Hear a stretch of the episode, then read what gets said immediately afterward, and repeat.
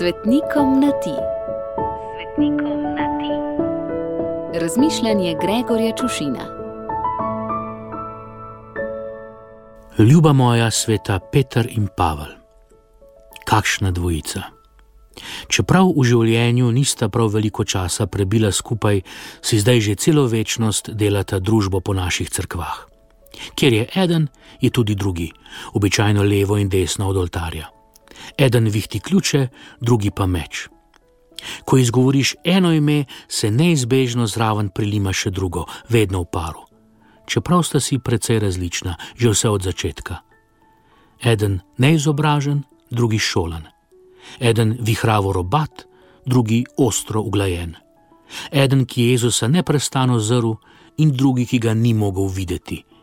Eden, ki ga je z mečem branil, in drugi, ki ga je z mečem preganjal. Božja duhovitost, ki pokaže, da Bog združuje, kar je na vides nezdružljivo, da lahko v njem, v Kristusu, v cerkvi živi, deluje in sodeluje, kar v človeških očeh nikakor ne gre skupaj.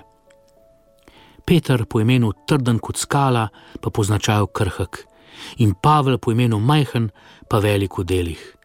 Temelj, na katerem stoji crkva in beseda, ki širi evangelij in osvaja. Kakšna dvojica! Oba nekako bivata in živita v meni. V obeh se prepoznam in oba prepoznam v sebi. Včasih se spreta v meni, kot sta se sprla tudi vidva, a to je križ. V središču trdno povezan in združen, medtem ko ga vleče na razen do skrajnosti. Tudi v tem je norost križa, tudi v tem sta vidva in tudi v tem je crkv. Ribič, ki je postal pastir, in profesor, ki je postal izdelovalec šotorov. Ta, ki je zatajil, je postal ta, ki vodi, in ta, ki je preganjal, je postal ta, ki osvaja. Tudi to mi pričuje, tudi o tem pričujem.